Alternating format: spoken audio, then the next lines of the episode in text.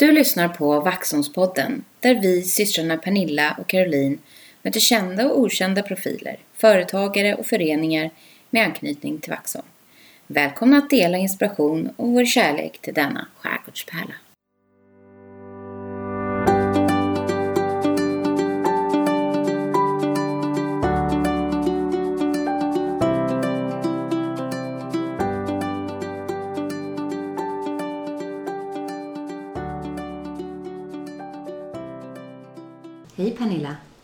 Caroline! Hur eh, är det idag? Det är lördag. Det är lördag. Mm. Eh, det är skönt.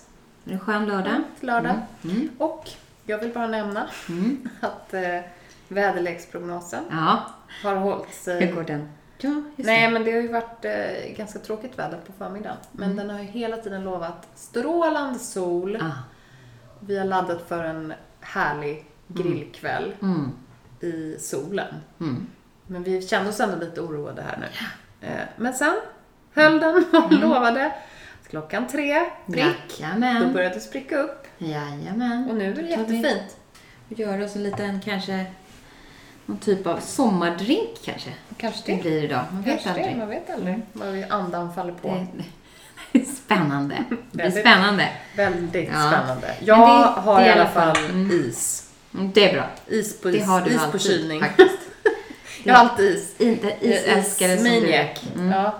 Jag och min hund, vi knaprar is. Ja, och när man köper en sån här ispåse så tycker man ju att det är ganska, jag tycker det är ganska lyxigt. Det är nog så konstigt, bara, men vi har is. För att det är ju alltid slut annars.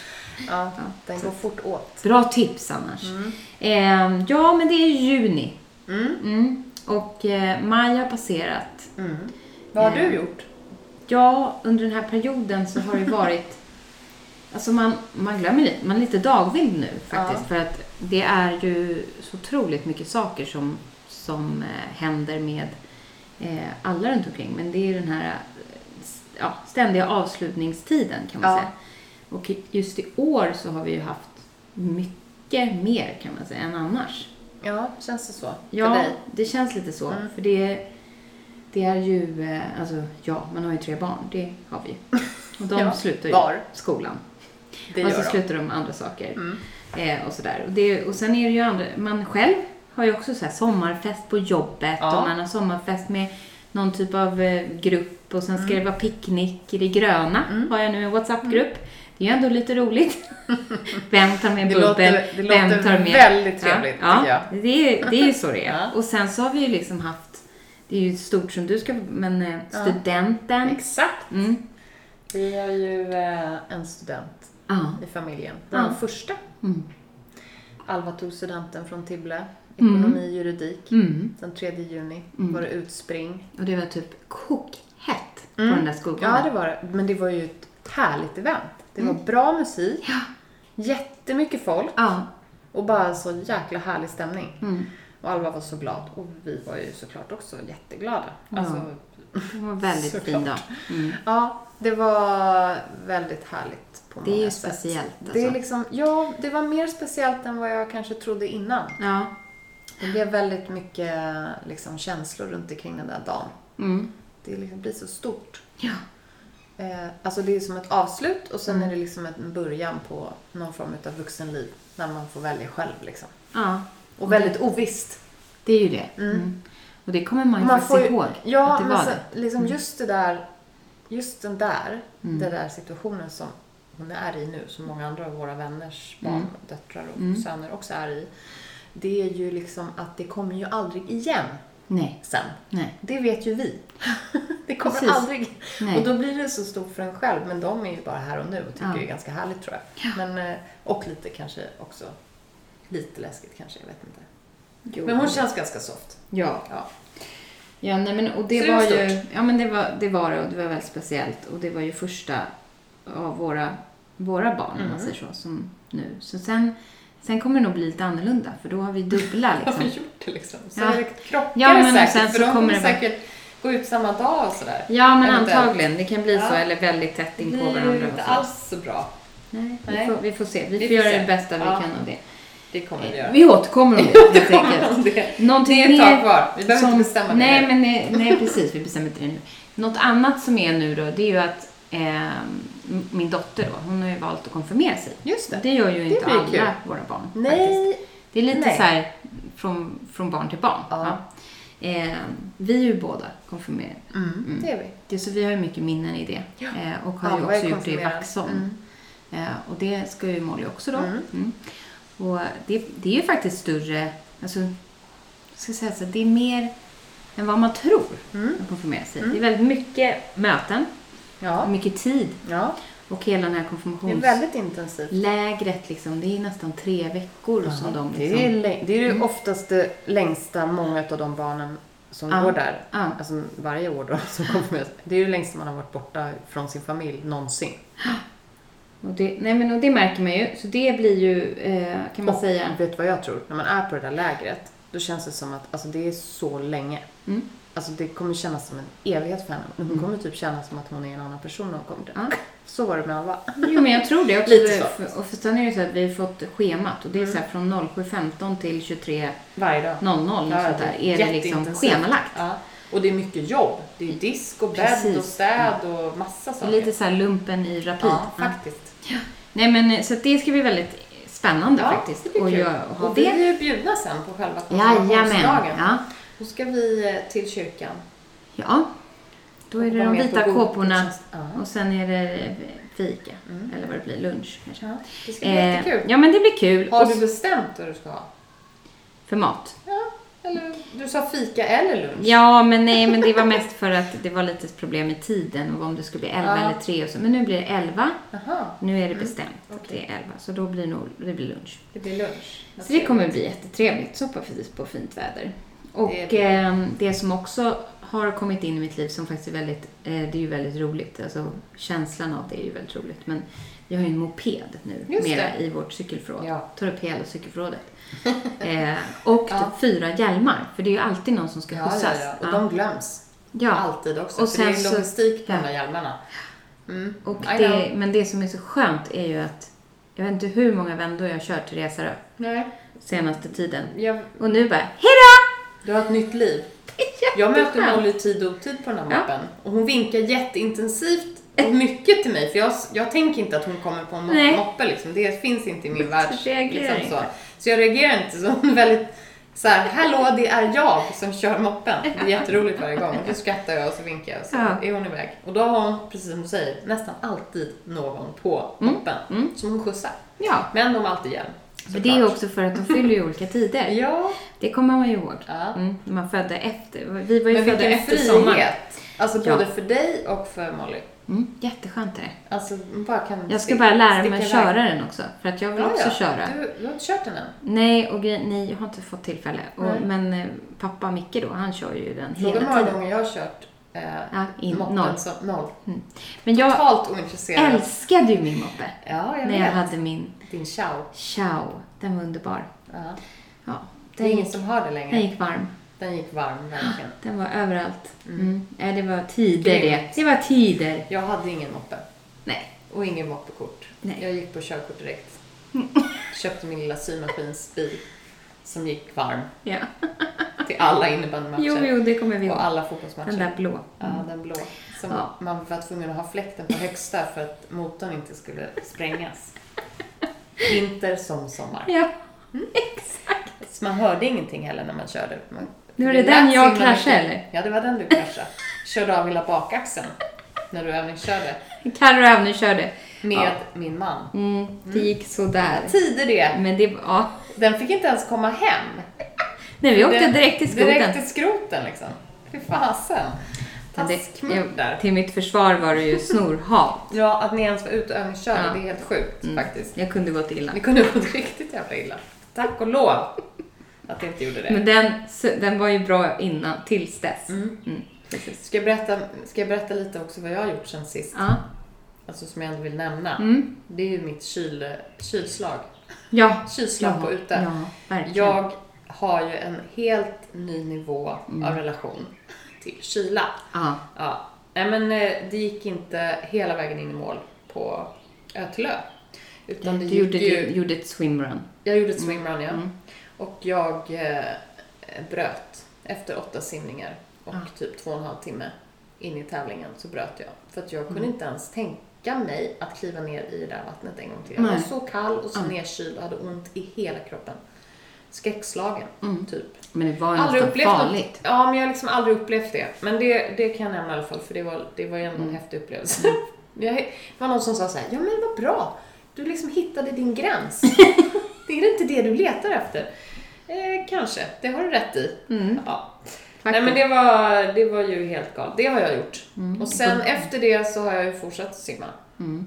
I ganska kallt vatten, men inte i närheten av 7 grader. Nej. Och på tal om det så börjar ju...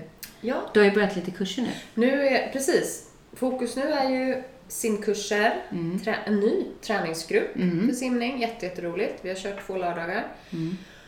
Och sen imorgon kör vi ju igång en eh, grundkurs i öppet vattensimning. Mm. Eh, det ska bli jätte, jättekul. Ja. Igen. Det är Mm. tredje året som jag kör det. Ja. Och, eh, så det är fullt fräs hela juni, juli här. Mm. Och sen så börjar vi i augusti igen. Ja. Och du ska ju vara med. jag ska vara med. Eller har du Jag tänkte att jag vet inte om jag ska Alltså, säga det här podden för att då Du har redan varit, ja men det som man säger högt och skriver ner, det händer med större sannolikhet. Jag ska vara med. Jag, jag tycker att det är väl fortfarande väldigt eh, spännande, eller vad man Ja. ska kalla det. Men det är lite, fortfarande lite obehagligt. Man, man kan inte förstå det förrän man har prövat. Nej. Så vill man liksom ja, men testa och utmana sig själv så ska man ju absolut Mm. göra något sånt där. Ja. Precis. Så det är ju väldigt bra. Och det där med att simma i öppet vatten är ju också lite... Alltså, eh, det är lite nytt varje gång. Om man Mm. ska uttrycka sig så. Alltså man Ja. måste liksom hålla på ganska mycket för att känna sig liksom bekväm. Ja. Nej, det är ett väldigt bra sätt att testa när man är många eller man, är, man kan skratta med varandra och Ja. man får lite energi och pepp av gruppen. Ja. Så det blir ju det blir jättekul. Mm. Jag älskar de här förmiddagarna när vi kör simning. Det är superhärligt. Ja, man gör någonting som man inte... Men alltså det, det Mm. blir ju så. Något annat. Utanför eh, bekvämlighetszonen, du vet. Ja. Och apropå det, Mm. Du behöver ju lite inspiration. Mm. Mm. Så vad ska vi hitta på? vad, Du vilka, kat- vilka kategorier Jag ska, ska vi liksom fokusera på här nu? Mm. Det, det sitter lite fast just nu Ja, ja. i, i alla möjliga saker. Ja. Så vad, nu, vad ska du hitta på för utmaning nu Jag då? har ingen aning. Nej, men tänk ut något kul nu då. Var lite spontan. Mm, du vet, det man säger högt, Ah. det händer. Mm. Mm. Ja, men simningen är ju en sak. Du kommer bli jätteglad för det. Den Mm. timmen. Simningen är bra. Mm. Den är väldigt bra. Mm. Eh, så är det ju. Jag skulle vilja göra mer med, med de här... eh, Alltså att vara kreativ. Alltså, Ja. mål, alltså inte måla, skriva. Skriva. Skriva. Det skulle jag vilja göra Det mer. kanske är din utmaning. Att du ska skriva någonting i en fin bok Mm. varje dag. Varje dag. Innan du, går, innan kommer du jag bli somnar. jättebra på det till slut. Eller hur? Och så sätter du ett larm. Ja. Och så, om vi säger att du börjar nu. Mm. Idag är det den 18 juni. Och sen, ja det blir bra. När vi åker till Sardinien då ska du ha en hel full anteckningsbok med saker som du har skrivit ner. Mm. Du kan, vad ska du skriva om? Det är det som faller dig på. En dikt. om, om vädret kan man ju alltid skriva om. Mm. no, Det är ju ja. ett säkert Åh, kort. vad spännande. Nej men, Nej, eller så ska nej, du nej, göra någon så här, skriv tre bra saker om mig själv. Ja, det kan man göra. Det, jag blev påmind om det i Det veckan. kommer bli samma varje dag. Jag har skrattat.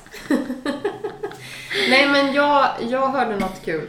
Eller Ja. något. Alltså, Mm. det, men eh, just det här med att det man säger om sig själv till Mm. andra, det hör ju du själv hela ja. tiden. Ja. Så man ska ju bara säga bra saker och snälla Mm. saker om sig själv högt i grupp och andra och beskriva sig själv och så. Annars blir det ju jättefel. Mm. Ja. Många pratar ju om sig själv att man är så här, man är dålig på något, man kan Mm. inte, nej det där är jag ingen bra på, du är mycket bättre och så. Mm. Det hör ju du själv hela tiden. Så det ska du inte göra. Nej, Nej. nej, nej, jag vet.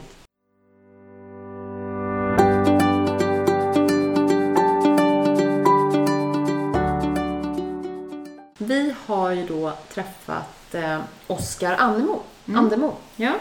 Och på tal om utmaningar så får man väl verkligen säga att han har utmanat sig själv genom Mm. åren och gjort ganska modiga beslut. Ja. Eller vad det nu, om det har varit beslut, men han har ju i alla fall halkat in på en hel del Mm. Spännande saker. Ja. Nya länder. Som kanske inte vem som helst Nej, men inte vem som helst hade kastat sig över, men det har han gjort. Ja. Så jätte, jättekul att få höra hans historia. Mm.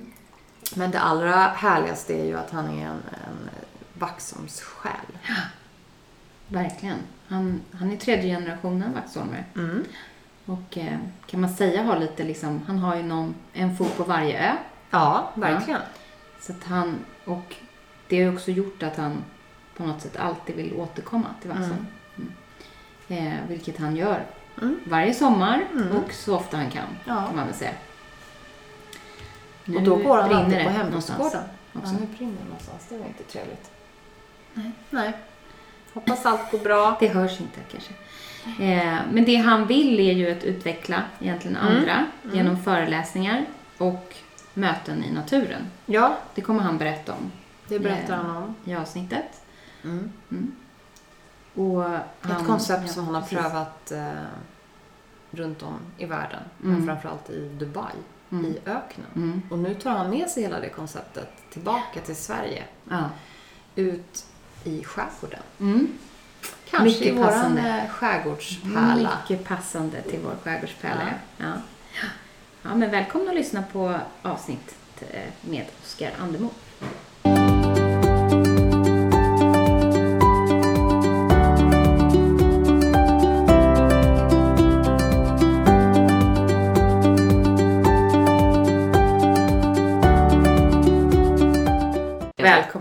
Tack så mycket. Välkommen. Till Vaxholmspodden. Och till eh, det här rummet, för det heter biblioteket. Ja, det är det. Vi är på en av Vaxholms absolut finaste kontorshotell. Det är kanske enda. Ja. Ja. Och det roliga med just det här kan jag bara inleda med att vi var här för precis ett år sedan Mm. och spelade in med just Ja, eh. Hamnkontoret och eh, Vaxholms Business Center som det heter. Mm. Med Och för Miriam mig så är och det kul att vara här. För jag har Ja. hört talas om det här stället. Du har det? Jag har aldrig varit här. Så men det är Ja. kul att se. Mm. Ja men eh, det är superfint här och vi är Mm. jätteglada för att vi kan få använda det här rummet. För det är väldigt ljudvänligt för Mm. en podd. Och, I fin, väntan på våran poddstudio. och fin utsikt. Fin Mm. utsikt. Kan inte vara bättre. Eh, vad roligt att få träffa dig. Eh, du och jag har ju inte träffats förr, vad vi vet. Precis. Men däremot så känner ju du min syster. Caroline. Ja, vi känner ju varandra. Sen förr. Sen förr. Ja. Och vi har ju snackat lite så här härliga nostalgi och Mm. glada, goda minnen. Men vad är din relation till Vaxholm, Oskar? Ja, var ska vi börja någonstans? Ja. Eh, jag var faktiskt var tvungen att fråga min kusin när min familj flyttade till Vaxholm. Så jag, på vägen hit på 670 bussen så frågade min kusin när flyttade min morfar till Vaxholm? Och hon, kom på, så hon sa att jag kommer inte ihåg, jag måste fråga min mamma. Så hon skulle ringa till sin mamma Barbro som bor i Vaxholm. Men när jag gick av bussen så stod Barbro där. Vilket var lite lustigt. Ja, så Barbro eh, Mm. Eh, Jag frågade Barbro och min morfar flyttade till Vaxholm 1944. Eller till Rindö Mm. faktiskt. Först. Mm. Eh, Och byggde hus där med sin eh, fru. Och sen flyttade de till Vaxholm 1951. Vet du varför? 1944 är ju ett årtal Precis. som man direkt reagerar på. Ja, precis. Så min Men- morfar var militär. Han var militär. Så han låg ute på öarna. Så Mm. han eh, låg på Korsö under flera Mm. år. Och då var min eh, mormor barnflicka på Sandhamn. Ja. Så hon, eh, Mm. hon var från Sörmland men hon var barnflicka åt någon familj inne i stan i Stockholm. På någon Östermalm. Och de hade sommarhus på Sandhamn. Mhm. Så de var där på sommaren och så var morfar på Korsö och sen så åkte han in till Sandhamn för att gå på dansbanan. Ja. Och sen eh, så träffade han sin Där. Precis, där träffades de. Och sen så eh, var han ju militär under, under andra världskriget och ute på öarna, Landsort och olika öar ute i skärgården. Och sen eh, flyttade de väl dit för att han jobbade som militär. Så Mm. han hamnade på Rinde, som många gör. Liksom. Ja. Mm. Så att, och, och sen flyttade min mamma eh, någon gång på 70-talet till Reserö. Så jag är uppvuxen på Reserö. Resare kille. Precis. Mm. så kul. Hur var resare då? Alltså Resarö är ju... 80-talet. Ja, precis. Det var ju fantastiskt eh, att växa upp på en ö. För att det var ju lite så här, då kan man ju släppa, släppa ungarna liksom. Gå inte över bron. Nej. Men ni får vara på ön liksom. Mm. Så vi cyklade runt där och liksom hade eh, kompisar som man... Det var väldigt idylliskt liksom. Ja. Och ganska säker känsla liksom. Mm. Så att, eh, cyklade runt och spelade innebandy på gatan och spelade burken och allt man gjorde liksom. Mm. Så jag växte upp på en Furuvägen. Och vi hade flera liksom, eh, barn i samma ålder, eller liknande ålder. Så Ja. Andreas Hager hängde mycket med på, på den tiden. Som, eh, tror jag är lika gammal som dig. så 76 ja. Men Kanske. resor Resor Ja, och killar, ja, precis. precis. Ja, precis. Alltså, det går inte. Rind och resor, det är ju det är så långt ifrån varandra när man är exakt. 8-9 år. Så det är inte klokt. Eh, Jag Mm. täckte ju Vaxholm när jag var kanske 12. Stora, storstan. Liksom. Då fick vi då, apropå bro, då fick ju Mm. vi åka färja. Mm. Nej, det fick vi. Det var tidigare för vi gick ju faktiskt på Vaxholmsskolan. Mm, När vi växte upp fanns det ingen skola på Ringdö. Det har det gjort nu i många, många år. Mm. Men då åkte vi taxi. Sen första klass. Ja, Just det. Men vi det var gick ju, skillnad. för oss var det ju första till sjätte klass på Mm. Resö och sen var det Vaxholm. Mm. Men det var ändå modigt tycker jag av föräldrarna där på Resarö att så här, ni är ju på en ö. För ni, det Mm. var ju ändå väldigt lätt förbindelse i, gentemot en Mm. färja. Jämfört med en färja. jo, i och för sig. Ja. Ja, Men det var väl lite så här, man visste att man ja stannade där, är här. det, liksom. där var Ja, gränsen. ja. Ja. Men det är fint med, man är ute i skogen och lekte och när- på sommaren liksom bada och sådär. Mm. Eh, eh, mycket bra minnen från den tiden. Ja. Ja, det är lyxigt att ha den mm. närheten till naturen och så som så här ute i skärgården. Ja, Det- precis. Jag tror att man har med sig det hela livet. Vi kan Absolut. ju komma Mm. tillbaka till det Ja. kanske. Ja, men jag tänker liksom när man är och badar vid, liksom, vi hade en badbrygga Ja. där. Mm. Då, och liksom hur mycket ungar som helst som var där Ja. och badade tillsammans och Ja. lekte. Och det är kul. Mm. Otroligt. Det känns som Fint, man ofta liksom. var... Man var ju väldigt mycket på... Alla var på samma ställe. Det är som att man samlades mycket mer Mm, då när vi precis. var små. Mm. Så här, Mm. alla gick till den här stranden. Mm. Nu är det ju så mycket att man åker runt och man tar bussen och det är det ena med Mm. det andra. Så att Mm. det var det mer idylliskt Ja, faktiskt då. Ja, sen är det det är så vi minns teknikpaddar det i alla och- fall. Mm. telefonen och sånt där. Så Ja, det- Ja, man är det. väldigt, precis, det är väldigt lätt att Den tar bestämma. över. Mm. Då var det mer så här, jag kommer hem någon gång till middagen Mm, kanske, mm. eller så. Mm, väldigt mycket mer lösa. Ja, Men det gjorde ju något med oss också tror jag, som Mm. växte upp då. Li- Mm. Lite mer kanske handlingskraft och driv och mod kanske till och med ibland. Jag vet inte, jag har bara fått för mig det själv, de reflektionerna. Men mm. att växa upp sådär idylliskt och ganska litet ändå och tryggt. Eh, vad gjorde det med dig då? För nu vet jag ju lite grann vad du har gjort Mm. de senaste åren. Ja, för precis. du berättade det alldeles nyss. Men tror du att det har Mm. någonting med det att göra? Ja, alltså jag har ju reflekterat eh, ganska mycket på...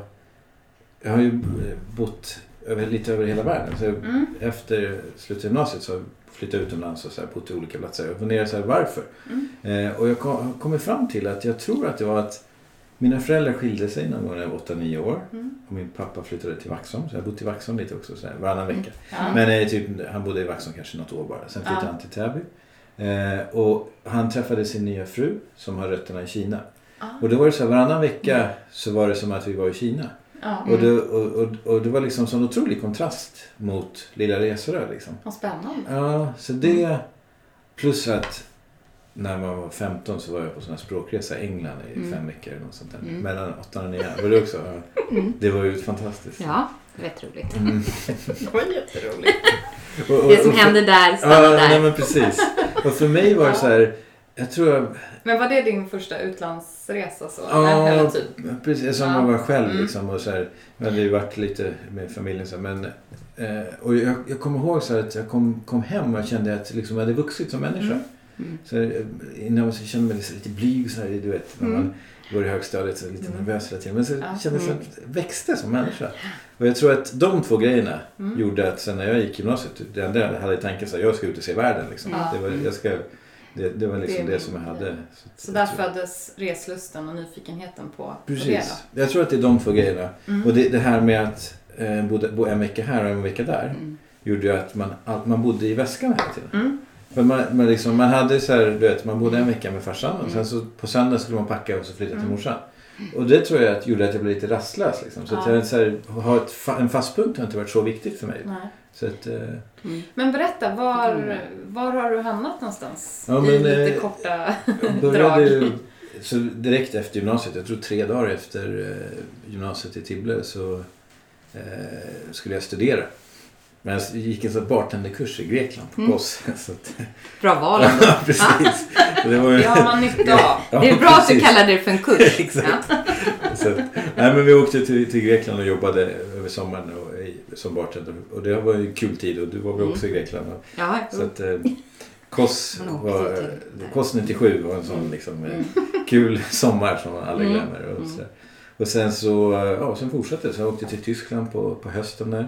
Jag bodde i Tyskland i tre månader. Eh, och sen så jobbade jag i Sälen faktiskt en vinter och gillade skidåkning som jag tror Mm. också Ja. ni gillar hörde Ja, på tidigare avsnitt. Ja. Så, Lite lätt nördiga i det. Ja, Ja. samma här. Så kan vi göra ett till avsnitt om bara Ja, skidåkning. precis. Mm. alltså, jag jobbade en vinter i Sälen och sen så hamnade jag i Schweiz på en hotellskola. Så jag plugg, åkte till Schweiz och pluggade.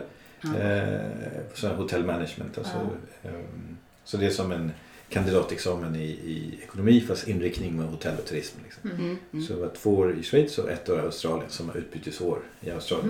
Mm. Eh, och då var det folk från hela världen på den här skolan. Så liksom, vi hade väl 55 nationaliteter på, på skolan. Så tyckte det var så här, jättespännande att träffa folk från hela världen. Liksom. Mm. Så, Mm.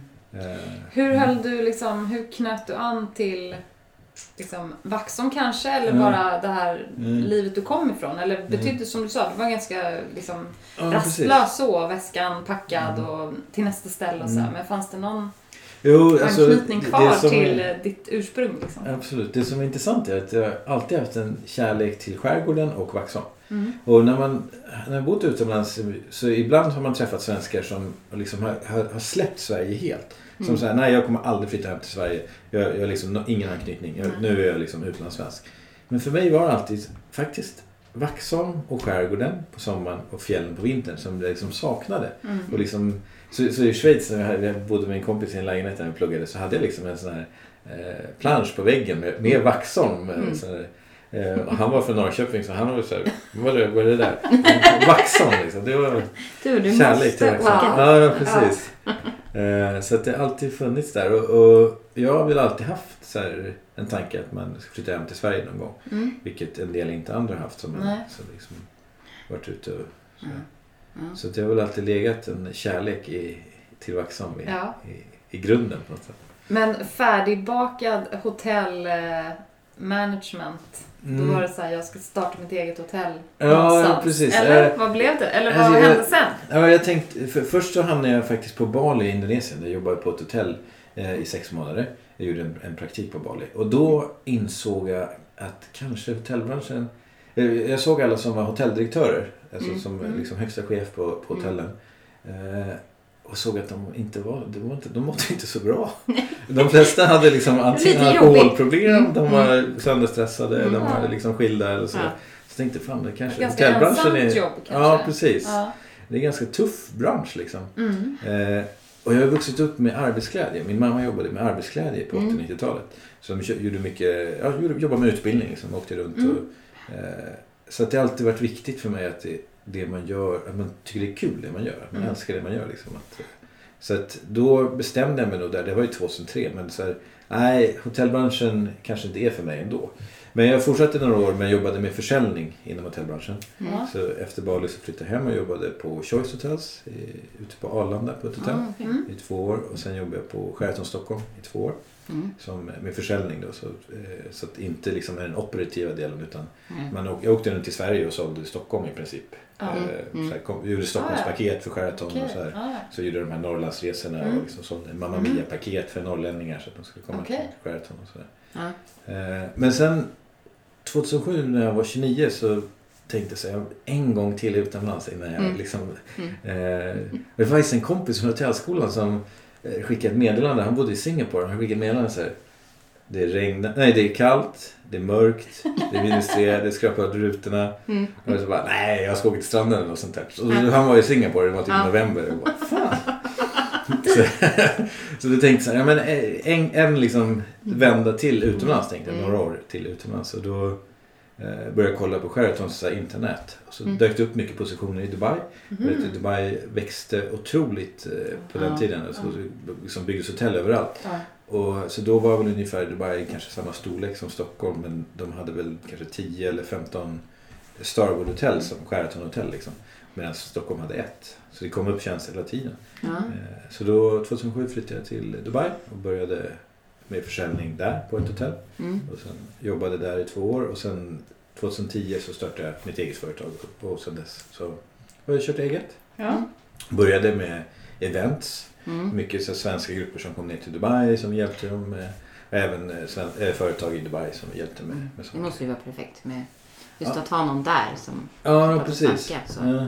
Eh, och Emirates eh, lanserade eh, Arlanda någonstans i den Mm. vevan, kanske Mm. 2011 eller 2012. Ja. Så det var direktflyg då. Mm. Eh, så det var mycket svenska företag som ville komma ner liksom. Mm. Så att, eh, Och vad var typiskt för att ge svenskar som kommer till Dubai då? Vilken Mm. typ av event och vad blev det för Mm. koncept för, för din business? I det var- företag. si- första grejen som jag faktiskt gjorde, en av de första grejerna som jag gjorde var att jag saknar skidåkningen så mycket. Ja. Så jag älskar skidåkning. Man, hur hamnar i Dubai liksom? Mm. Där kan man Så inte åka det. Men i Dubai finns det, stranden, värmen. finns det en inomhusbacke. Jaha. Där man kan åka skidor inomhus. Det är i och för sig kan jag tänka mig. De är ju Alltså, lite Och där, där är det minus, Det- minus det fyra är året lite runt. väl tokigt ändå ju. Så det är minus fyra året runt i den där inomhusbacken. Så att det är enda platsen tror jag på jorden där du kan åka skidor varje dag på året. Ja. För att det är aldrig dåligt det väder. är. liksom. Såklart. Det är inomhus. Så det är inte speciellt rolig backe. Det är typ som Hammarbybacken eller Mm. Bärselbacken. Så det är Mm. ganska liten backe. Men det är sittlift där inne faktiskt. Men, men hur som helst, så jag satt med, med en svensk reseagent som jobbar med golfresor i ba- en bar och satt och drack öl. Och så var det ett liveband som spelade. Så visade det sig att livebandet var ju svenskt. Mhm. Så vi började snacka med dem. Fan, hur hamnar ni här? Så, ja, men vi har så här, ett års kontrakt. Vi ska spela här ett år. Så, så bara, är ni duktiga på liksom svenska covers? Så, ja, absolut. Så, så nej, fan, vi måste köra en skidtävling i Ski Dubai. Och så kör vi afterski efter. Så det var liksom den första, ett av de första eventen. Så roligt. Ja, så vi hyrde den där backen och sen så liksom jagade sponsorer och sånt där. Och sen, Är det, är det lätt att ha företag skap, alltså, så Ja. i Dubai eller? Både och. Eh, både och. Alltså ibland så kan man fastna liksom i byråkrati och Mm. olika saker. Mm. Men samtidigt så är det skattefritt. Ja. Eh, och sen är det nytt, istället så har man liksom en avgift som man betalar varje år för att driva företaget. Mm. Som en fast avgift. Ja. Men så det är både och ska jag säga. Eh, det är ju väldigt internationellt i Dubai. Det är folk Mm. från hela världen. Ja. Det är Mm. 90% är från andra Så det är länder. väldigt stor förståelse och Ja, respekt precis. för de som vill driva och göra saker. Ja, kanske. precis. De vill ju vara en hubb liksom för Mm. regionen. Mm. Så de, och sen är det ett nytt land. Det är, Mm. grundades någon gång på 70-talet. Ja. Så de ändrar ju reglerna hela tiden. Liksom. Ja. Och de vill göra det. Så de tittar på Singapore. Singapore är så region för Asien. Dubai vill vara det för Mellanöstern. Mm. Så de försöker göra det liksom vän, vänligt för ja, eh, allt. Hur allt. gick eventet? Det gick, det gick bra. Det gick jättebra. Det var, vi hade jättekul. Eh, men, men, alltså, alla tyckte var... Eventet var eh, jättelyckat. Men det var lite svårt att få sponsorer. Så, Ja. så vi, vi började med att blocka eh, skidbacken. Och så hade vi typ sex veckor på oss att hitta sponsorer. Mm. Så vi hittade sponsorer. Så vi gick plus minus noll. Men vi tjänade inte liksom, så jättemycket pengar. Men vi hade kul. Så det var lite så här, kanske som min mamma sa. Att Ja. du måste ha kul med det ha gör. Men, men vi, alltså, man, det är ju som med entreprenörskap ibland. Så man skulle räkna antal timmar man lagt på det. Liksom, Ja. så här. Mm. Mm. Mm. Men, Men- det, är men- inte det också halva grejen? Alltså processen dit, Jo, idén, precis. Går det att göra, Mm. hur ska vi genomföra Mm. det här? Och sen kanske lite så här som, eh, när jag tänker tillbaka på det, lite som i lumpen. Man kommer inte ihåg. Man kommer bara ihåg det roliga. Ja. Nu när jag kommer ihåg så Så att bara... man gör det igen Ja, och igen och igen. Exakt. Men var det någon som tog över stafettpinnen då för uh, Nej, Ski Dubai, Vi, vi, gjorde, afterski? vi gjorde det två gånger. Ja, så jag gjorde det året då. efter också. Ja. Eh, och då var det lättare för att eh, Peak Mm. Performance hade en butik då i Mm. ett av köpcentren. Så Ja, de sponsrade mm, det. Såklart. Mm. Eh, men sen stängde Smart. de ner den butiken. Eh, Mm. och, då, och, det var butiken som, alltså det var den lokala distributören som sponsrade, det var inte Peak Sverige utan det var liksom Mm. Peak Ah, Performance ja, där. distributör där Mm. som sponsrade. Så, att- Mhm. så vi, jag körde två år så att, det var jättekul och, och Mm. eh, jag ångrar ingenting men det var ju mycket jobb för lite Ja. pengar. Liksom. Ja. Så, och, och det ledde väl till att eh, det blev ganska tufft i året.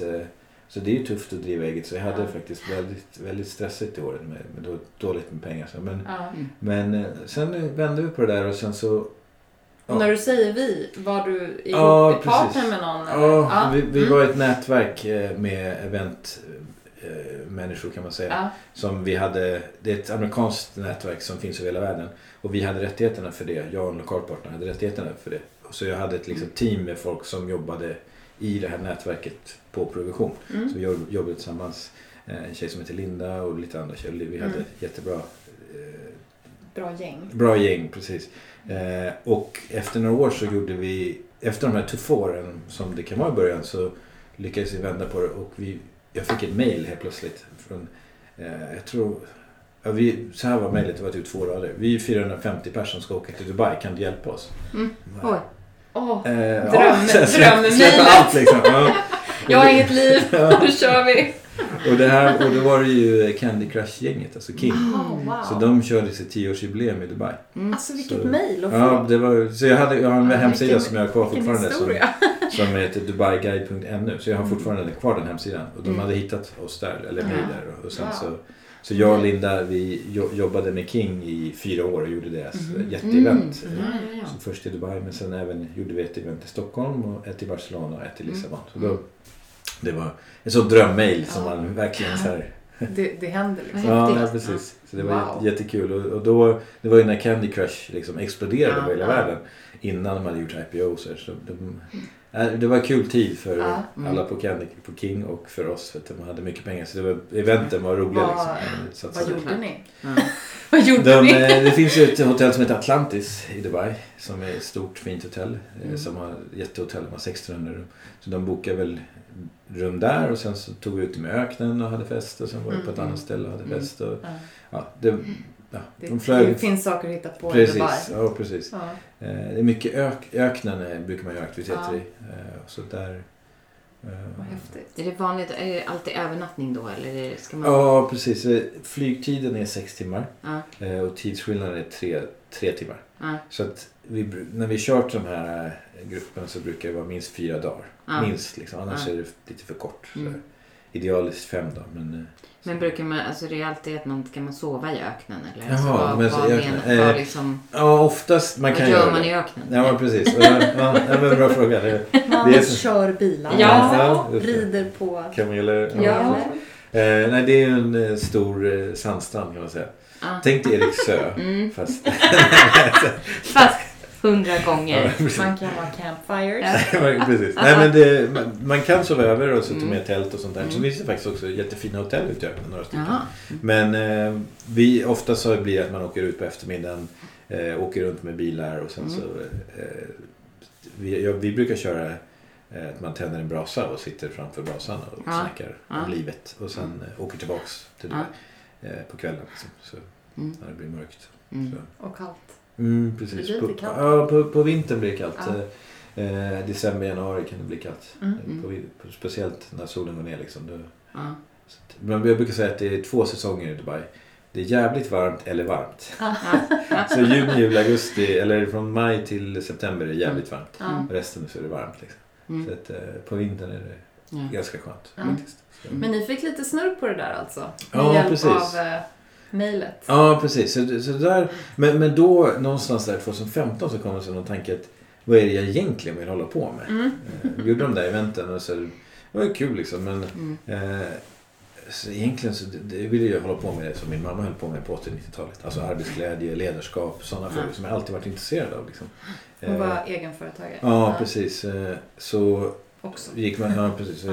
Gick massa kurser och sånt där i coaching och mental träning och sådär. Mm. Lite sånt som min, som min mamma höll på med kan man Mm. säga. Eh, Och jag började faktiskt med att en av grupperna, typ 2010, 2011, en svensk grupp som sa så här, kan inte du komma och prata lite om Dubai? Kan inte du göra en föreläsning om Dubai? Mm. Jag bara, ja men det kan jag göra. Så, vi hade hjälpt dem med allt, hotell och allt liksom.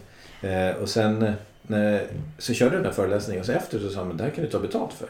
Va? Kan jag ta betalt för det här? Jag tycker det är bara roligt liksom. Ja. Eh, så, så då tog jag typ två eller tre böcker, historien om Dubai, Mm. läste igenom dem, sammanfattade dem och sen varje gång jag skickade en offert på en grupp som skulle till Dubai. Så jag la jag med det. Så om ni vill så kan jag komma och göra en föreläsning om Dubai. Mm. Så så började jag liksom som professionell Ah, föreläsare okej. typ 2011 kanske.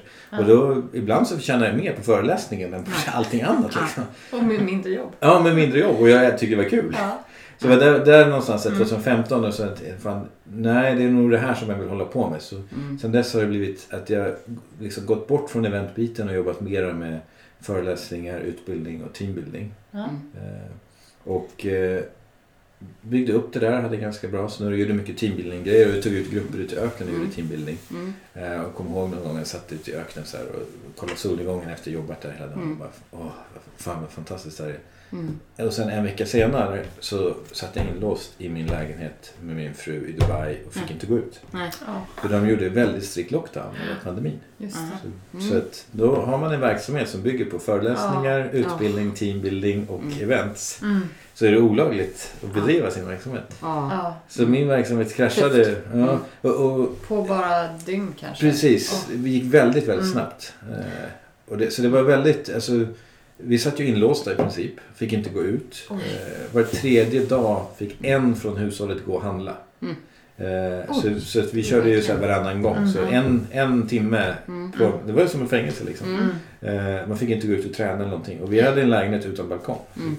Så, det, så det var liksom Netflix Fick ni pröva på det? Ja, precis. Vilket Som någon, trauma. Alltså någon, vi, man får svära. i Sverige så så fick ju läsa och se Ja. att det var så. Ja, ja, precis, Men ja. vi hade nog ändå lite svårt att ta in det för vi Mm. hade ju inte alls så. Nej, precis. Ja, det var väl... Alltså vi kom ju...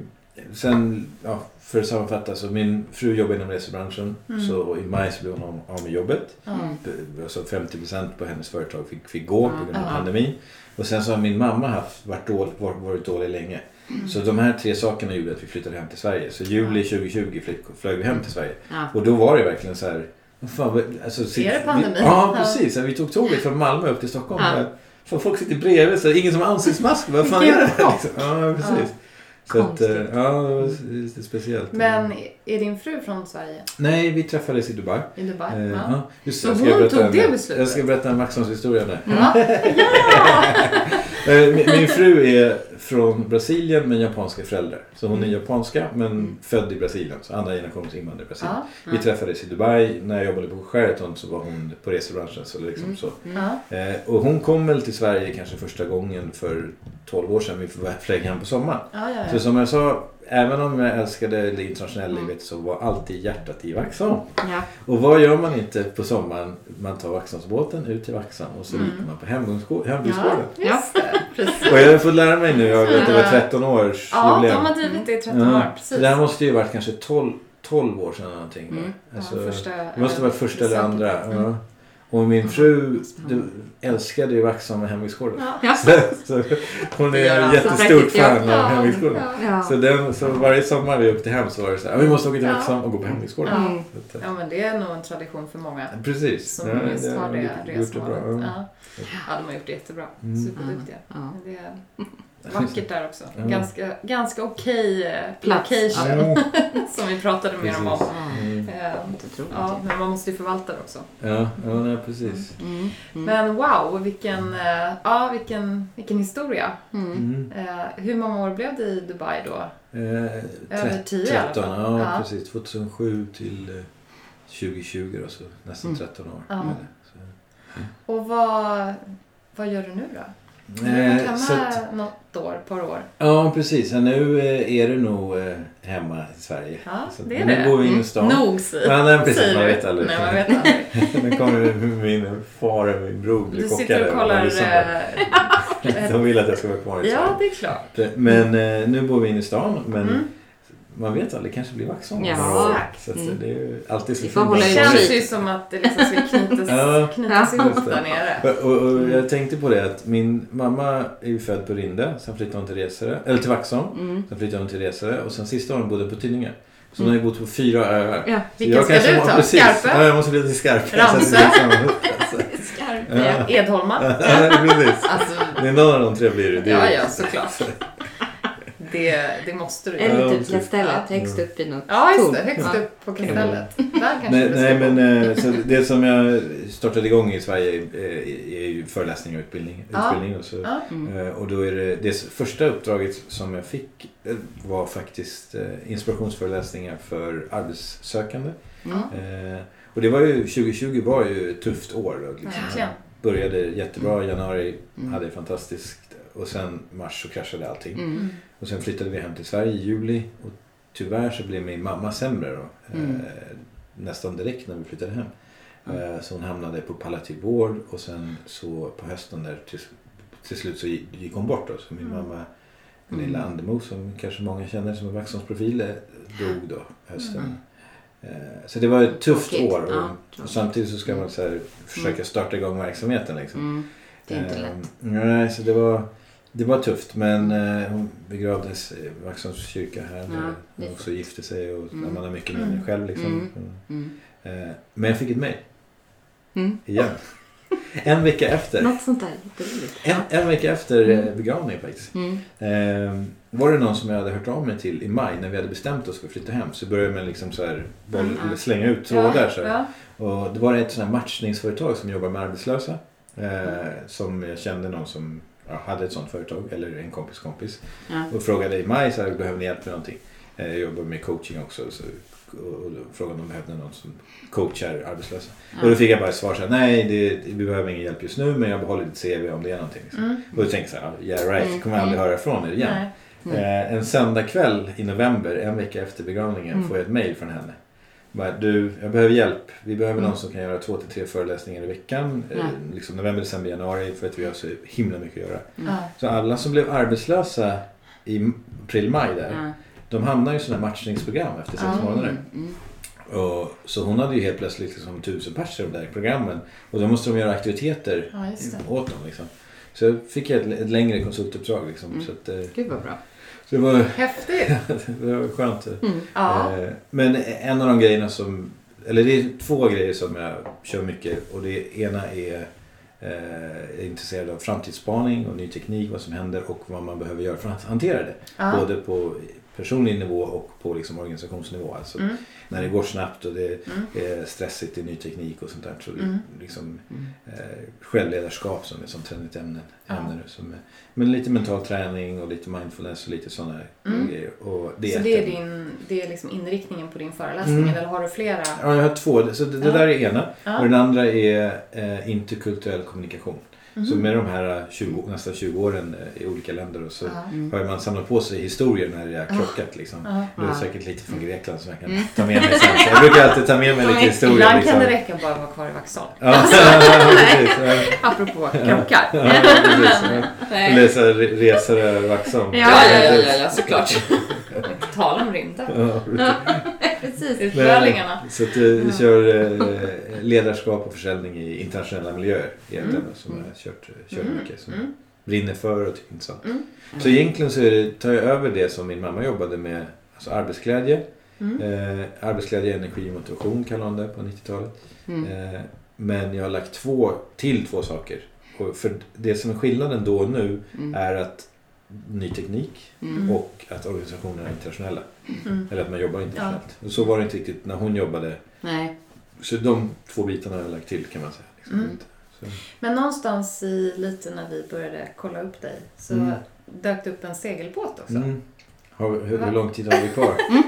Så det var ju vi lite nyfikna på. Ja, ja, Plus att vi, vi är ju faktiskt i Vaxholm Ja, ja, och väldigt Mm. nära vår vackra skärgård Ja, ja, som vi har i. Stockholm och Mm. ja, i hela, Mm. längs hela Mm. kusten såklart. Men eh, Jag, jag, jag, ska, Du- jag drar en kort, en Ja. kort variant men det, det börjar långt Ja. tillbaks i tiden.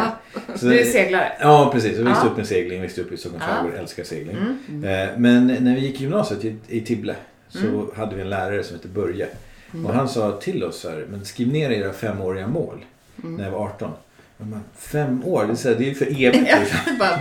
Vadå, 23? De var ju typ gammal gubbe tänkte Ja. Så Liksom. Ja, hemska ja. uppgifter man Hemska fick. uppgifter. Ja. Men- och gärna så här försegla också. Ja, Kuvert, eller hur? Ja, jag kommer inte ihåg exakt. Men, eller jag skrev ner i en svart bok fall. Ja. Men jag skrev ner så här tio saker. Så, men de här sakerna skulle jag vilja göra de närmsta fem åren. Mm. Och sen hittade jag den där boken fem år senare. Och så fan jag har ju gjort alla de här sakerna. Liksom. Så det kanske är någonting att det börjar som Ja. ett frö Ja. och sen så kan man gå ut Det man och skriver skapa. ner har 20 procent Precis, större chans. Om man som- talar om det för Exakt. alla Vaxholmslyssnare så passar det nu för vad du säger. Det kommer att ske. Ja, precis. Nej, Ja. men det, att ha en, eh, ett, så ett frö och sen ha den där Mm. målbilden och så jobba med liksom, något som jag varit intresserad av, av sen dess. Mm. Så allting börjar ju på någonstans som en tanke och sen så Mm. blir det verklighet. Det är den här podden. Hur startar den här podden? Det börjar som ett frö. Mm. Så, Ja. Så ringer råkar jag säga syrran. Så råkar jag säga det till någon. Ja, sen råkade vi säga det till fler. Ja. Nej, så jag har alltid varit intresserad av det ämnet. Så Ja. nå- någon gång så här 2012-2013 så gjorde jag en, en coachingkurs. eh, Så Mm. certifierade mig som coach. Med en kille som heter Lars-Erik Unestål som är grundare av mental träning. Mm. Så jag är också mental tränare under honom. Och då i slutet av den här coachingkursen så sa han, ja, men vad vill ni göra med det här då? Mm. Och då tänkte jag att jag skulle göra ett målseminarium i öknen. I, Mm. Utanför Dubai. Mm. Så, så, det, så 2015 tror jag, eller 2016 så började jag ta ut grupper i öknen utanför Dubai där de fick sitta och fundera på sitt liv och reflektera och tänka Mm. vad, vad vill jag Mm. göra liksom? Vad, Mm. vad är bra, vad är dåligt, vad ska jag ta med mig, vad ska jag göra mer av, vad ska jag mindre av? Mm. Reflektionsfrågor liksom. Och det är viktigt att vara i naturen tycker jag för göra Mm. Så jag körde det i två, tre år. Det var jätte, blev jättespännande eh, Mm. istället för att göra ett konferensrum. Mm. Och så kom jag på 2017 att det här kan jag ju bara göra på vintern. Som jag sa, det är jävligt varmt i Dubai på sommaren. Ja. Då vill man inte sitta i öknen. Nej, Så tänkte jag, men jag måste hitta på någonting i Sverige också. Eh, och min far är involverad i ett eh, seglingsprojekt som heter Handicat. Som är en katamaran som Mm. man kan segla ut eh, sådana som sitter i rullstol ut i Stockholms skärgård. Mm. Och den här är ju perfekt faktiskt för reflektion. För det är en, Mm. det är en stor yta, ett stort nät man I kan ligga där, ja. Mm. Så det här tänkte jag, det här måste jag köra. Så maj började som ett frö Ja. och sen så gjorde man saker. Och Mm. sen maj 2017 så körde jag premiärturen. Så Ja. den ligger i Svinninge då. Mm. Så när vi, och det är också lite kul, så när man seglar ut där så Mm. seglar man ju förbi Resorö. Så Mm. Ja. man seglar förbi så, Mm. ja, där man cyklade som Ja, 8-9-åring. precis. Ja, jättefint där. Ja. Men, men eh, bara för att avsluta den storyn så Jag bestämde mig för datum, ringde runt lite folk och fick ihop en grupp. Mm. Eh, fem minuter innan alla kom började det snöa. Nej. 9 maj 2017 snöade det. Alltså. Det är inte så vanligt att det snöar i maj. Nej. Så att, eh, men det, det, det, kom, men det, kom, det, kom, det gick förbi. Ta Liksom. med vantarna. Precis, precis. Så, så, instruktionerna dagen innan, vi hade ju Ja. sett väderleksrapporten att det skulle vara kallt. Liksom. Ja. Var, tänk dig att du åker skidor, Ja. samma kläder som skidåkning. Liksom. Ja. Så att, eh, men för mig, jag var ju superstressad så här, när jag Ja, liksom bestämt mig. Jag hade en Ja. fotograf som skulle med. Och så bara började snöa. Men alla tyckte det var skitkul. Mm. De Jag tänkte ju "Ja, säga det. Det blir ju när ett påslag snöat." till liksom. Ja. Så här, faktor två på hela upplevelsen. Ja, men precis. Ja. Eh, Så, så men jag har heller aldrig seglat när det snöat. Men det gör man liksom inte normalt. Så, det, så är det i Sverige bara. Men, men eh, när vi kom ut där på trälavet utanför det så, så, så sprack det upp faktiskt. Mm. Så att vi, kunde, vi började inne i båten och det var ganska trångt. Men då kunde vi gå ut och sitta på nätet. Och, Ja. Så det blev jättebra. Kul. Eh, Så, den, eh, så i, i Sverige så eh, använder jag den katamaranen istället Ja. för öknen. Okej. sen Istället för att sitta i ett konferensrum så st- sticker jag ut och seglar. Ja.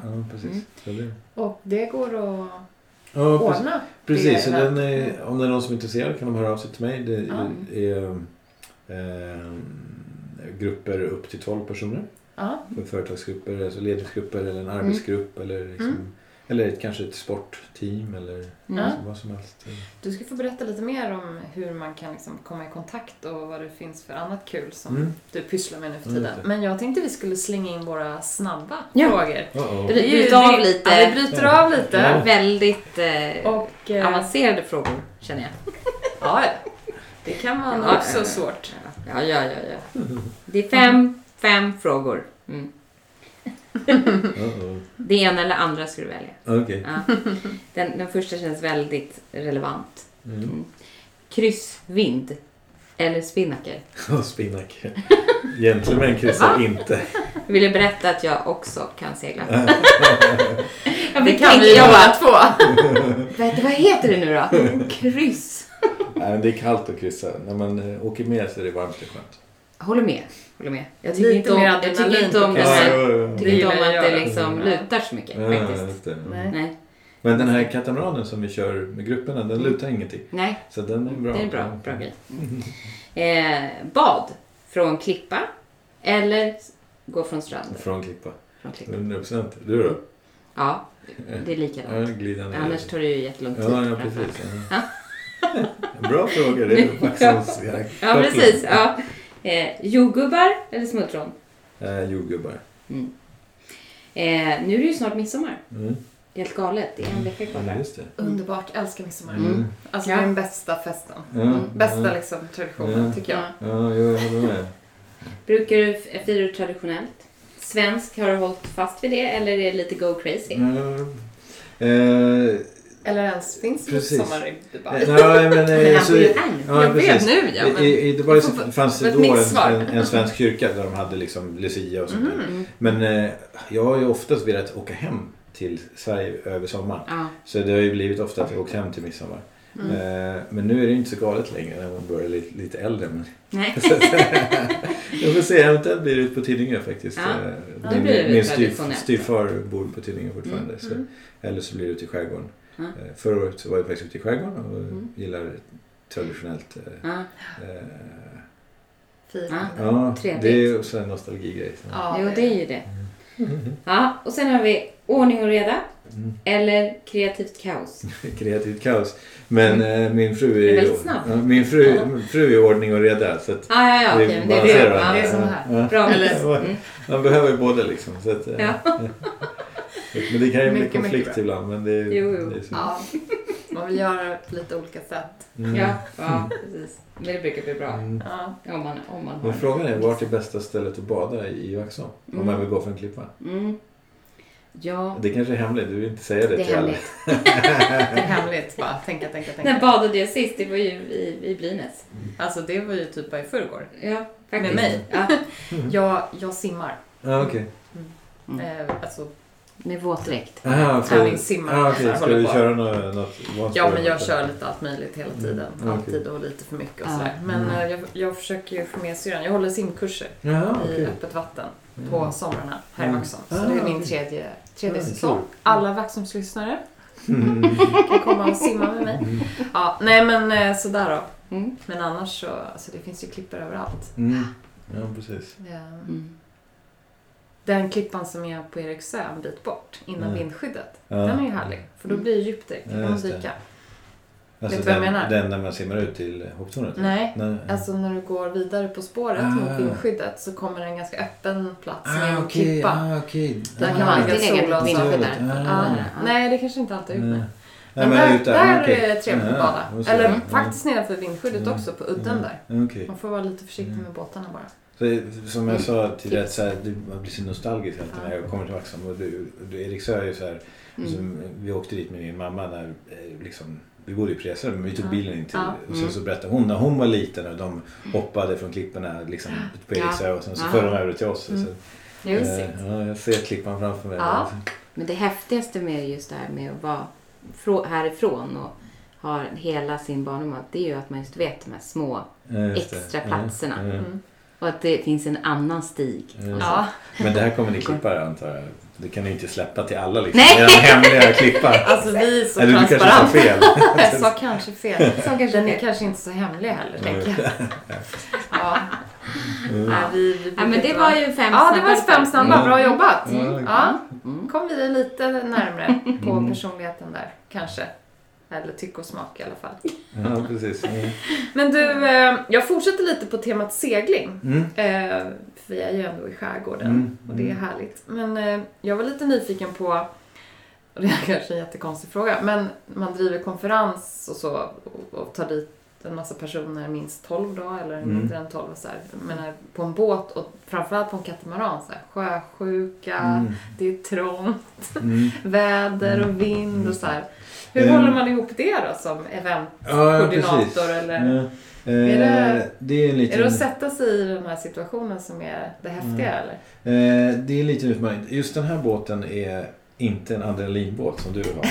Nej. Den är lite större. Så det här är okej. mera den, man flyter fram långsamt och reflekterar i naturen. Ja. Så ibland så har vi lagt oss i en vik bara och eh, liksom njutit av Mm. naturen. Mm. Eh, men eh, annars så, det finns ju andra båtar, alltså det är ju jättemycket man kan göra med, med båtar och ledarskap och vad som händer och Mm. liksom Mm. kommunikation och sånt där. Så, Mm. eh, men just den här båten är egentligen mera för reflektion skulle jag säga. Ja, Att, eh. Den är stor och Ja. liksom flyter fram långsamt Mm. och sådär. Det går lugnt till. Ja, precis. Ja. Det går lugnt till. Eh, Mm. eh, Okej då. hur tar man an för adrenalin? Din adrenalingrej. Hur får man ihop det? ja, men vad kul. Men du, vad hoppas du på då på den här sommaren och alla dina idéer? Och vad, Mm. vad ligger i planerna nu Eh, framöver? Ja, precis. Nu... Flytt till Vaxholm? Ja, ja, exakt, exakt. Eller? ja, Nej. precis. Eh, någon gång kanske, ja. Mm. Jag ser. Nu har ju min, eh, min moster bor i Vaxholm och sen har min eh, far, eh, morbror flyttat tillbaks till Vaxholm. Mm. Efter att ha flyttat in till stan i många år sedan. Tillbaks till Vaxholm. Ja, så att, eh, ja. Man måste till Ja, precis. Det är väl så. Man kommer tillbaks. Mm. Så att, är många gör det. Ja, många gör det. Mm. Nej, men vi kommer fortsätta med de, just de här två ämnena. Ja. Ledarskap i internationella miljöer Mm. och de här framtidsfrågorna och hur man kan framtidssäkra sig själv. Liksom. Ja. Eh, och sen hoppas jag att det blir lite seglingar, lite företagsseglingar. Mm. Så att eh, det är en fantastisk miljö att liksom reflektera i och, och, och, och eh, sitta och fundera på vad, Ja. vad är viktigt, vad är, Mm. ska jag ta med mig, vad ska jag göra mer av? Liksom, Mm. sådana stora frågor. Precis. Ledningsgrupper och Ja, precis. Arbets... styrelser kanske också. Ja, precis. Mm. Ja. Så i Dubai så körde vi ju samma format, fast vi Mm. körde i öknen. Mm. Och nu Mm. är det i skärgården. Det handlar om naturen, att Mm. använda naturen Ja. som ett redskap. Mm. Eh, och det händer någonting i naturen. Mm. Så att, eh, det är något Men om man speciellt. sitter och lyssnar på det här nu då och blir lite nyfiken eller Mm. får en idé och kanske har någon i sin bekantskapskrets som det här skulle vara perfekt för. Hur Mm. kommer man i kontakt med dig? Mm. Eh, jag har ju lite, jag har ju flera olika hemsidor men nu kan, man kan gå till en, en hemsida som heter shikara-consulting.com eller eh, oskarandemo.com har jag också. Ja. Så, där finns det lite mer information. Ja. Det är det där mejlet Mm. som ska skickas, Ja, ja, precis. Ja. som du har fått två gånger, som har varit väldigt avgörande. Alltså dels det här... Ja, just det. Ja, just det. Ja, precis. Jag, jag, väntar, jag väntar på fler sådana mejl. Liksom. Ja, exakt. Det var det jag menade. Nu, eh, Precis, exakt. Oskar K. ja, vi kommer skriva såklart Ja, allting Ja. i... eh, Skicka våra-. In- Skicka mejl bara till oss så löser det sig. Ja, nej men eh, vi, vi lägger ju såklart upp allting Mm. eh, i samband med vårt släpp av Ja. avsnittet. Mm. Och sådär. Vi har ett annat eh, sidoprojekt bara lite Ja. som jag kan dra lite kort som är för alla Vaxholmsföretagare. Vore Mm. kul att ha med. Ja. Att, eh, som, som, jag, som vi har pratat om så har jag någon liksom kärlek till skärgården och Mm. liksom vuxit upp med segling och gjort lumpen i Vaxholm och sånt där. Så, Mm. så min kompis har drivit Skärgårdsmässan inne i stan varje vår. Mm. eh, Kristi himmelfärd. Och eh, 90, den var ju ganska liten förra året, eller var ingenting förra året. Nej. Mm. Så vi smygstartade lite i år. Men Ja. eh, nästa år så hoppas vi på att göra det ännu större. Så jag hjälper honom lite med det projektet. Mm. Och där vore det jättekul med lite Vaxholmsföretag. Ja, lite, kanske, självklart. Var, Till och med ett var tält är också. det någonstans? Alltså? eh, framför Vikingamuseet, eh, Vasahamnen på ah, Djurgården. okej. Mm. eh, mellan liksom, eh, Vasa och Grönlund kan man säga. Mm. Så Mm. det är stråk där det går jättemycket folk. Ja. Så att, eh, och det som vi ska ta med oss till nästa år som är att det är, vi kallar det Skärgårdsmässan Mm. men det är väldigt mycket turister som går ja, där såklart. Mm. Liksom. Mm. Det här Vikingamuseet är jättepopulärt. kanske ska heta något på engelska då? Precis, Mm. så vi sa det till utställarna. Ta med liksom, flyers, affischer på engelska också. Ja. Så att det inte bara... Eh, för att det är så mycket genomströmning där. Vi har ju Men- väldigt mycket eh, turister i Mm. Vaxholm. Alltså Ja. Det växer ju för varje år. Och det börjar tidigt. Det börjar Mm. redan i maj och sen fortfarter ända förbi september. Ja, ja precis. Det är Hembygdsgården som Mm. ligger bra Ja, till hem- Tripadvisor. Eller Lindas bullbakning Mm. och Mm. trailsen och Mm. alltså cykling, paddling. Men vi har ofta tagit Vaxholmsbåten från Stockholm ut till Mm. Vaxholm på sommaren. Ja. Så här, jag och min fru. Ja. Liksom, det blir som tradition. Men det blir en väldigt fin utflykt. Och så Ja, gör man precis. någonting här och sen så tar man Mm. Vaxholmsbåten Jag är så tillbaka. sugen på alla turister som sitter och pratar, som Mm. sitter och tittar på öarna. Jag är Ja. alltid sugen så att berätta så här, det, det där, det Ja. där heter Tinninge. Så Ja. det, Ja. Mm. Hon skulle behöva lite någon guide. Ja. Fast det är Vaxholmsbolaget liksom. Så att Ja. de, Vi får sälja in den idén. Vad du? Jag tänkte bara Mm. säga någon liten, Det finns en en liten, liten grej bara. Så slutar med att du pratar Det hela finns en resan liten ut. utveckling här skulle kunna göra. Ja. Alltså det Ja. ser vi ju eh, verkligen fram emot. Mm. Dig som guide på Vaxholmsbåtarna. Ja, precis. Ja, Det blir såna samma här jump off, jump Ja. on Ja. eh, bussarna. eller Vad Ja, heter de? Ja. Mm. Eh, Det blir väl alldeles, alldeles Mm. utmärkt. Mm. Ehm, är det någonting mer som du skulle vilja lyfta fram eh, till Vaxholmslyssnarna när vi ändå Mm. pratar med dig? Nej, men eh, kul att vara här och sen som, Ja. som sagt, det, man blir så nostalgisk när Ja. man är här och det är så fint i Vaxholm. Och Mm. Mm. Det är en eh, pärla som ni, jag tror ni öppnar podden med Mm. säga. Ja. Har du något eh, så här, annat smultronställe än hembygdsgården? Eh, I Vaxholm... eh, Alltså, Min, min, min mamma har ju alltid haft så här, som tradition att gå på Vaxholms hotell när, för att Mm. fira någonting. Mm. Mm. Det började ju så här i, typ i högstadiet, även när man gick ut åttan eller nian så skulle Mm. vi gå på Vaxholms hotell och käka. Ja. Så det har vi ju gjort alltid liksom Mm.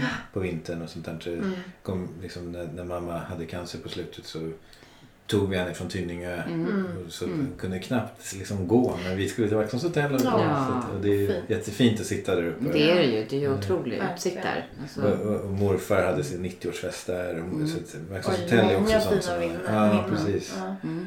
Eh, Så där är också ett sånt fint ställe. Men Mm. Jo, men det, det är Ja. verkligen tog, Det är, den som, är- det är det som är med också på alla vykort och allting. Mm. Som, Mm. Mm. det, det syns ju hotellet. ja, Mm. Mm. verkligen. Ja. Ja, men eh, det kändes ju som att vi... Det finns väldigt mycket att prata om. Ja. Som vi sa när vi träffades eh, idag. Men eh, jag tror att vi börjar att eh, vara klara där. Mm. Eller hur? Ja, Ja. ja. Men vi får höra hur mycket som helst. Ja, Mm. ja men vilken Roligt historia. att höra vidare vilket, också sen Vilket liv! Och det är ju Mm. bara precis börjat. ja, precis. Och du har hunnit med mycket saker. Det måste vara ett slut. Ja, ja, kanske. Den här veckan är det snarare. Han behöver sin, egen, egen Han föreläsning. behöver sin egen föreläsning, ja precis. Det kan vara så. Mm. Ja, Ja, men stort tack Oskar för att du ville vara med i Vaxholmspodden. Mm, Det var väldigt kul. kul att få träffa dig. Jättekul att vara med. Tack så Ja. Mycket.